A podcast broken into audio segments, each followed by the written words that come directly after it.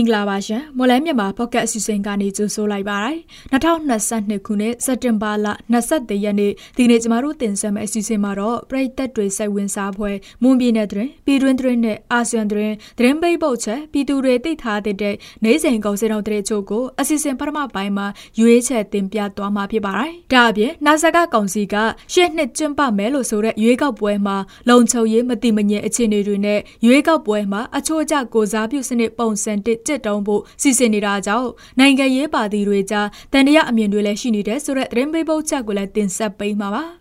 ဟုတ်ကဲ့ပါဒီကနေ့အစီအစဉ်မှုကတော့ကျမမီ i blog ကတာဝန်ယူသွားမှာဖြစ်ပြီးကျမနဲ့အတူကိုခန့်မြတ်သူကသတင်းတို့ကိုကူညီဖက်ကြားပေးသွားမှာဖြစ်ပါတယ်နားဆင်ကြတဲ့ပရိသတ်တွေအားလုံးကိုမင်္ဂလာပါလို့နှုတ်ခွန်းဆက်သပါရစေကျွန်တော်ခန့်မြတ်သူက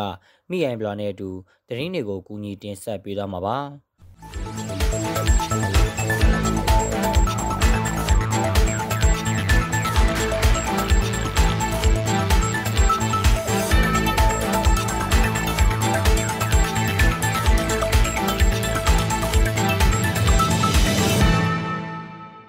လုံခြုံရေးတင်းကျပ်ထားတဲ့ပုံမျိုးကတာရက်ွက်အောက်လဲမမှာဖွေးလှစ်ထားတဲ့ရွှေဆိုင်ဒီဇိုင်းကိုမရေကမွန်လွယ်ပိုင်းမှာလူငယ်နှစ်ဦးကဝင်ရောက်လူရက်တဲ့ဖြစ်စဉ်ဖြစ်ပွားခဲ့တယ်လို့မြို့ခန့်အချို့ထံမှသိရပါတယ်။အဲ့ဒီလူငယ်နှစ်ဦးဟာလာမင်းတရယတနာရွှေဆိုင်ကိုလာရောက်ပြီးရွှေဝယ်မဲ့တူဟန်ဆောင်ကလူယူသွားတာဖြစ်တယ်လို့မြို့ခန့်တူကပြောပါတယ်။ ရွှေဆိုင်အတွင်းမှာရွှေလော့ကက်တီနဲ့ရွှေနဂက်များလူရက်ခံခဲ့ရပြီးတန်ဖိုးငွေကျပ်၈သိန်းနီးပါးရှိတယ်လို့သိရပါတယ်။လူရက်သွားသူနှစ်ဦးဟာ Whip i 125ဆိုင်ကအမျိုးအစားကိုမောင်းနှင်းကပေါင်းရက်ွက်အတွင်းသို့ထွက်ပြေးသွားတယ်လို့သိရပါတယ်။လူရက်သွားသူနှစ်ဦးဟာလက်ရှိအချိန်ထိထွက်ပြေးလွတ်မြောက်နေဆဲဖြစ်ပြီးပေါင်မြို့နယ်အတွင်းပိတ်ဆို့ကစစ်ဆေးရှာဖွေခြင်းများပြုလုပ်နေတယ်လို့သိရပါတယ်။ ကရင်ပြည်နယ်ကော့ဂရိတ်မြို့နယ်ကစစ်တပ်အခြေကုပ်စခန်းတစ်ခုဖြစ်တဲ့ကျိတ်စခန်းကို KNL ပူးပေါင်းတပ်ဖွဲ့တွေကမနေ့ကတိုက်ခိုက်သိမ်းပိုက်နိုင်ခဲ့တယ်လို့ကရင်အမျိုးသားစီယုံ KNU ကသတင်းထုတ်ပြန်ထားပါတယ်။ဩဂတ်စ်လဒုတိယအပတ်ကစတင်ပြီးတပ်စခန်းတွင်တပ်ဆွဲထားတဲ့ခမရ99ခုတပ်ရင်းကတပ်ဖွဲ့ဝင်တွေကိုပိတ်ဆို့ပြီးရိခါဖျက်တောက်မှုတွေပြုလုပ်ခါအခုမှတော့ KNL တပ်ရင်းဆက်ရှိဒေါနာစစ်ကြောင်း SOG ပူးပေါင်းတပ်ဖွဲ့တွေကစခန်းတစ်ခုလုံးကိုတိုက်ခိုက်သိမ်းပိုက်နိုင်ခဲ့တာလို့ဆိုပါတယ်။ စခန်းသိမ်းတိုက်ပွဲအတွင်းစစ်တပ်ဘက်က9ဦးသေဆုံးပြီး2ဦးဒဏ်ရာနဲ့ဖမ်းဆီးရမိခဲ့တယ်လို့လက်နက်ပစ္စည်းအမျိုးပေါင်း20ကျော်စကားပြောဆက်နှလုံးနဲ့ဖုံးသုံးလုံးကိုလည်းသိမ်းဆည်းရမိခဲ့တယ်လို့ KNU ကထုတ်ပြန်ထားပါတယ်။ KNU ထိန်းချုပ်နယ်မြေတွေအတွင်းတပ်မဟာခွန်ကလွှဲရင်ကြံနယ်မြေတွေမှာတိုက်ပွဲတွေနေ့စဉ်ဖြစ်ပွားနေသလိုလေကြောင်းတိုက်ခိုက်မှုတွေနဲ့ပါထိုးစစ်ဆင်လှုပ်ဆောင်နေတာတွေရှိပါတယ်။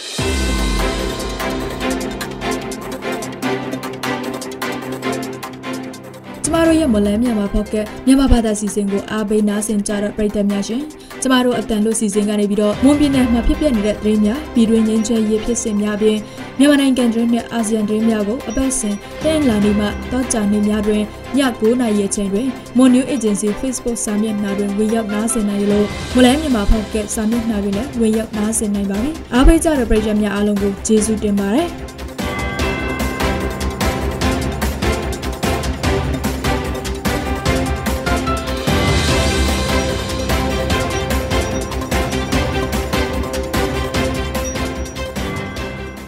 ဆိုရှယ်မီဒီယာပလက်ဖောင်း Facebook မှာ NUG, CRPH နဲ့ PDF ထောက်ခံသူတွေကိုနှိပ်ရှေထောင်ဒဏ်ချမှတ်နိုင်တဲ့ရာဇသက်ကြီးဥပဒေပုံမှန်များနဲ့အရေးယူသွားမယ်လို့နာဆာကကောင်စီပြောခွင့်ရဗိုလ်ချုပ်စော်မင်းထွန်းကပြောပါတယ် မနေ့ကနေပြည်တော်မှာကျင်းပပြုလုပ်တဲ့နာဆာကကောင်စီရဲ့အကြိမ်20မြောက်သတင်းစာရှင်းလင်းပွဲမှာဆိုရင်လူမှုကွန်ရက်စာမျက်နှာပေါ်မှာ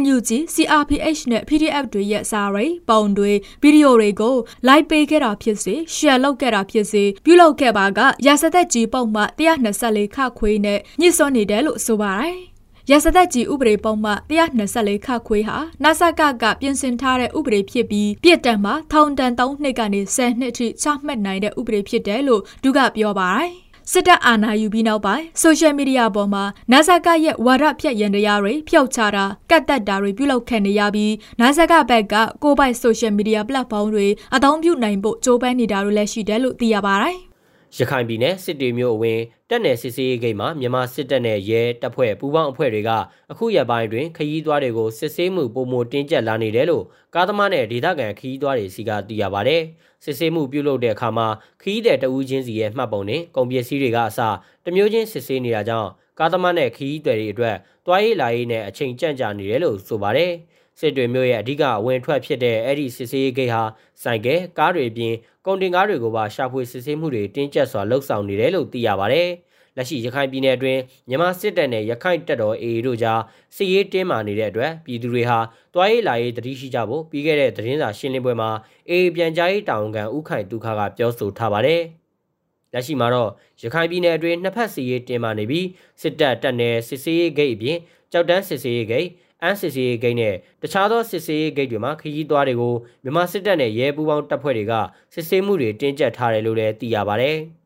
ထိုင်းနိုင်ငံအလဲပိုင်းစမုတ်ပရကန်ခရိုင်ဘန်ဘောမြို့နယ်ရှိငါးတစ်တိုင်စက်ယုံမှာမြန်မာရွှေ့ပြောင်းလောက်သားအယောက်130ကျော်ရုတ်တရက်အလောက်ဖြုတ်ခံခဲ့ရတယ်လို့ AAC အလောက်တမကူညီဆောက်ရှောက်ရေးမဟာမိတ်အဖွဲ့ကပြောပါတယ်။ စက်ယုံမန်နေဂျာကသူတို့ကိုအလုပ်မခတ်တော့ဘူးလို့ပြီးခဲ့တဲ့တနေ့ကပြောခဲ့ပြီးမနေ့ကမနေ့၈နာရီလောက်ကအလုပ်ကိုလာချိန်မှာစက်ယုံအတွင်းပေးမဝင်တော့ဘူးလို့ဆိုပါတယ်။အလုပ်သမားတွေဘက်ကနေကြံရှိလောက်အားကတွေအကုန်ရှင်းပေးဖို့ကြိုတင်အကြောင်းမကြားပဲရုတ်တရက်အလုပ်ဖြုတ်ခံရလို့နစ်နာကြီးလဆာတလဆာပေးဖို့အလုပ်ရှင်နဲ့မှတ်ပုံတင်ထားတဲ့အလုပ်သမားကနေထိုင်ခွင့်လက်မှတ်ကိစ္စအပြည့်အစည်းဆောင်ရွက်ပေးဖို့တောင်းဆိုထားတယ်လို့ဆိုပါတယ်။လက်တလောမြန်မာပြည်ကနေ MOU အလုပ်သမားကနဲ့ဝင်ရောက်လာမဲ့အလုပ်သမားတွေအများအပြားရှိနေပြီးသူတို့ကိုလက်ခံဖို့အတွက်အထောက်အထားမပြည့်စုံသေးသူတွေလုံးလို့မပြီးမပြတ်သေးသူတွေကိုလောက်ဖြုတ်ပစ်တာတွေမကြာခဏဖြစ်ပေါ်နေပါတယ်။တစ်ဖက်ကလည်းအလောက်ရှာဖွေပေးတဲ့ပွဲစားတွေဟာသူတို့လက်ထက်ကအလောက်ဓမားတွေကိုဟိုရွှေ့တီရွှေ့မကြာခဏလုပ်နေလို့အလောက်ဓမားတွေမှာအခက်ခဲကြုံနေရတယ်လို့ကိုရဲမင်းကပြောသွားပါတယ်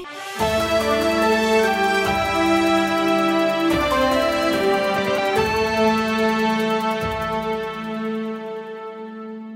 ဟုတ်ကဲ့ပါဆက်လက်ပြီးတော့ပြည်သူတွေသိထားတဲ့နေစဉ်ကုန်စည်တော်တဲ့ချို့ကိုမော်လမြိုင်ကုန်စည်တိုင်းကအချက်လက်တို့ကိုအခြေခံပြီးကျမကတင်ဆက်ပေးပါအောင်မယ်ဒီကနေ့ထိုင်းနဲ့မြန်မာငွေလဲနှုန်းကတော့ထိုင်းဘတ်84ဝယ်ဈေးရှိပြီးတော့ရောင်းဈေးက89ရှိနေပါတယ်ဒေါ်လာဈေးကတော့အမေရိကန်ဒေါ်လာကိုဝယ်ဈေးမြန်မာငွေ1180ကျပ်ရှိပြီးရောင်းဈေးက1250ကျပ်ရှိပါတယ် ရွှေစင်းနှုန်းကမီလ16ပဲရေသက်ချက်သားကိုရန်ကုန်ရွှေအတင်ဒီကနေ့ဈေးကွက်မှာ16သိန်း6500ရှိနေပြီးအပြင်ပေါက်ဈေးမှာ28သိန်းဝန်းကျင်မှာရှိနေပါတယ်။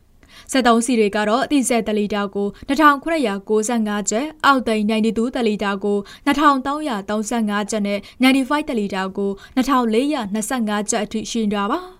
စံစင်းနှုန်းကတော့အကောင်စားပေါ်ဆန်မွေ108ပေါ်အမြင့်ဆုံးကို68500ကျပ်အလယ်လက်တင်ဆန်မျိုးစားပေါ်ကျဲသည့်108ပေါ်အနှိမ့်ဆုံးကို9400ကျပ်နဲ့အမထားဆန်တွေကတော့108ပေါ်အနှိမ့်ဆုံးကို4000ကျပ်နဲ့အမြင့်ဆုံးကို48000ရှိနေတာပါ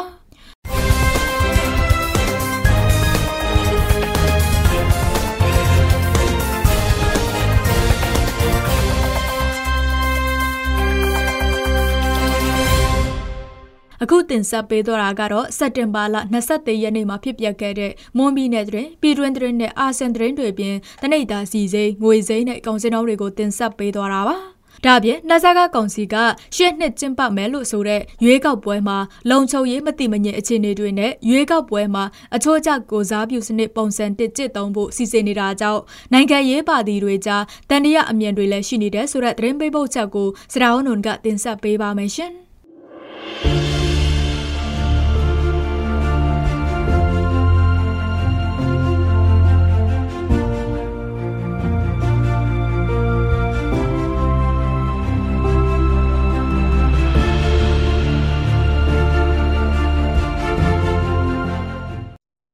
နောက်ဆက်ကကောင်စီပြန်လည်ဖွဲ့စည်းခဲ့တဲ့ပြည်ထောင်စုရွေးကောက်ပွဲကော်မရှင်က2023ရွေးကောက်ပွဲကျင်းပတဲ့အခါစီရင်ပိုက်အချို့ကျကိုစားပြုစနစ် PR နဲ့ကျင်းပမယ်လို့ပြောကြားထားပါတယ်။ နှဆက်ကကောင်စီထောက်ပြန်ထားတဲ့နှဆက်ကကောင်စီရဲ့နိုင်ငံတော်လုံမဲ့ရှေ့လုပ်ငန်းစဉ်9ရက်ထဲမှာဖော်ပြထားတဲ့အရေးပေါ်ကာလပြည်ထောင်နဲ့တပြိုင်နက်ကျင်းပနိုင်ဖို့မဲစင်းတွေပြင်တာနိုင်ငံရေးပါတီဥပဒေတွေကိုပြင်ဆင်တာတွေလောက်တာစတာတွေပြင်နေပြီလို့စက်တင်ဘာ20ရက်နေ့ကလောက်တဲ့နေပြည်တော်သတင်းစာရှင်းလင်းပွဲမှာကော်မရှင်ပြောခွင့်ရဥက္ကမဦးကပြောဆိုလိုက်ပါတယ်။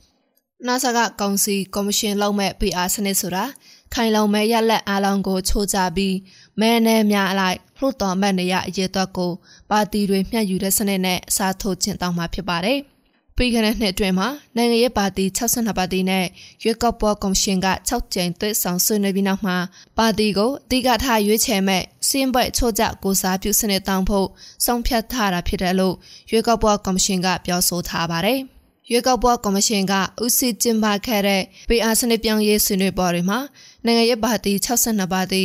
ရွေးကောက်ခံကိုယ်စားလှယ်တရားကျော်ပါဝင်တယ်လို့သတင်းတွေထောက်ပြန်ထားပါတယ်။ဒါပေမဲ့ကောင်းဆောင်တွေဖမ်းဆီးခံထားရတဲ့အမျိုးသားဒီမိုကရေစီဖွဲ့ချုပ် NLD ပါတီတိုင်းသားပါတီတွေထဲမှာအင်အားကြီးတဲ့ရှမ်းတိုင်းသားများဒီမိုကရေစီဖွဲ့ချုပ် SNLD ပြင်တချို့တိုင်းသားပါတီတွေတက်ရောက်ခြင်းမရှိခဲ့ပါဘူး။ဒီစနစ်ကြည်တောင်းဖို့တော့ပြင်ဆင်မှုပိုင်းတိုးတောင်းတာ တိုင်းပြည်မငြိမ်မသက်ဖြစ်နေတာတွေကြောင့်ဒီစနစ်မအောင်မြင်ဘူးလို့တောင်းတမှုတွေရှိနေပါတယ်။တိုင်းသားပါတီတွေဟဲ့မှာအင်အားကြီးတဲ့ရှမ်းတိုင်းသားများဒီမိုကရေစီဖွဲ့ချုပ် SNLD ကအထွေထွေတွင်ရမှုတဦးဖြစ်တဲ့စိုင်းလိုက်ကတော့နောက်ဆကအလောက်မှရွေးကောက်ပွဲပေါ်သူ့အမြင်ကိုခုလိုပြောလာပါတယ်။ကျွန်တော်တို့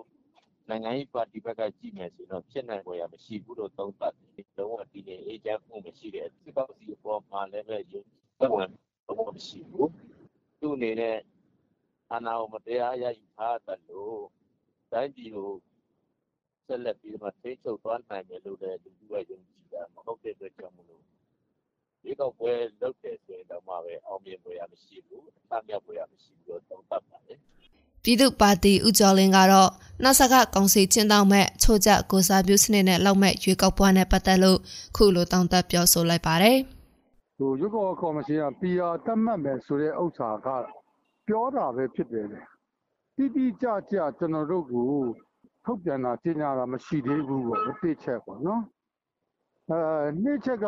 PR စနစ်ကျင့်သုံးမယ်ပြောတယ်ပေါ့နော်ဟာပြောလို့ပဲ PR စနစ်ကျင့်သုံးမယ်ဆိုရင်အဲဘယ်လွတ်တော်မှာကျင့်သုံးမယ်ဘယ်လွတ်တော်မှာမကျင့်သုံးဘူးဆိုတာတိတိကျမထွက်သေးဘူးနိုင်ငံရေးပါတီတွေတော့ဟောဒီ PR စနစ်နဲ့ပတ်သက်ပြီးတော့ဟို နိုင်ငံပါတီအစုအဖွဲ့တွေနဲ့ကြိုက်တဲ့လူရှိတယ်မကြိုက်တဲ့လူရှိတာတော့အရှိတရားပဲတို့တော့မဖြစ်မနေရွေးကောက်ပွဲနိုင်ငံရေးတစ်ခုကိုဖျက်သားမယ်ဆိုတော့ရွေးကောက်ပွဲကျင်းပတဲ့ပုံကိုတည်ပြီးတော့နိုင်ငံရေးပါတီကဆုံးဖြတ်ပြီးတော့သွားမှာပဲအဲ့လိုတော့ဖြစ်နေပါတော့နိုင်ငံရေးပါတီတွေကလည်းရှိချိန်မှာဟိုကြက်တဲ့ကာလကိုရင်ဆိုင်နေရတဲ့အတွက်ဟောအခက်ခဲတွေတော့အများကြီးရှိနေလို့သုံးသပ်ပါတယ် ပြည်သူ့ရှေ့ဆောင်ပါတီ PPP ကတော့လက်ရှိချိန်မှာဒီစနစ်နဲ့ရွေးကောက်ပွဲလောက်ဖို့စိန်ခေါ်မှုတွေရှိပေမဲ့လောက်တစ်တယ်လို့ပါတီတူဥက္ကဋ္ဌဦးမြင့်မောင်ထွန်းကပြောပါတယ်။လုံခြုံရေးကခက်ခဲတွေရှိကောင်းရှိနိုင်ပါတယ်။ရွေးကောက်ပွဲမှာလည်းမဲလာပေးတဲ့လူတွေအတွက်နော်လုံခြုံရေးတွေနောက်တစ်ခါမဲယုံရဲ့လုံခြုံရေးတွေနောက်တစ်ခါပြည်သူရဲ့ဟိုစိတ်ဝင်စားမှုဒီ PR ပေါ်မှာတိတ်ပြီးတော့နားမလည်နိုင်သေးတဲ့ကိစ္စနဲ့ပတ်သက်ပြီးတော့ ဗုဒ္ဓတွေရဲ့စိတ်ဝင်စားမှုတော့နည်းကောင်းနည်းနိုင်ပါတယ်အဲ့တော့အဲ့လိုစိတ်ဝင်စားမှုနေတာနဲ့အမျှမဲပေးမှုလည်းနည်းနိုင်ပါတယ်တိုးတော်လည်းပဲ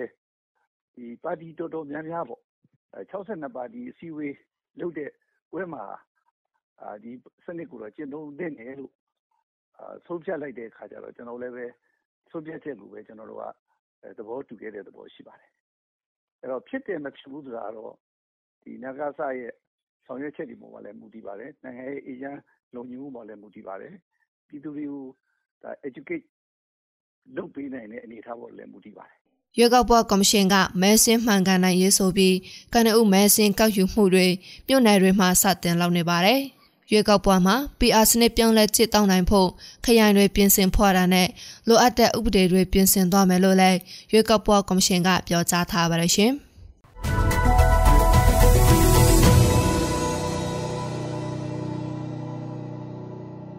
ကျွန်တော်တို့ရဲ့မွန်လန်းမြန်မာပေါ့ကတ်စီစဉ်ဒီမှာရင်ပြီးဆုံးပါပြီ။နားဆင်ကြတဲ့ပရိသတ်တွေအားလုံးကိုနောက်နေ့အစီအစဉ်တွေမှာဆက်လက်အားပေးကြပါအောင်လို့ဖိတ်ခေါ်ရင်းအစီအစဉ်ကိုအဆုံးသတ်ပါရစေ။အားလုံးကိုကျေးဇူးတင်ပါတယ်ခင်ဗျာ။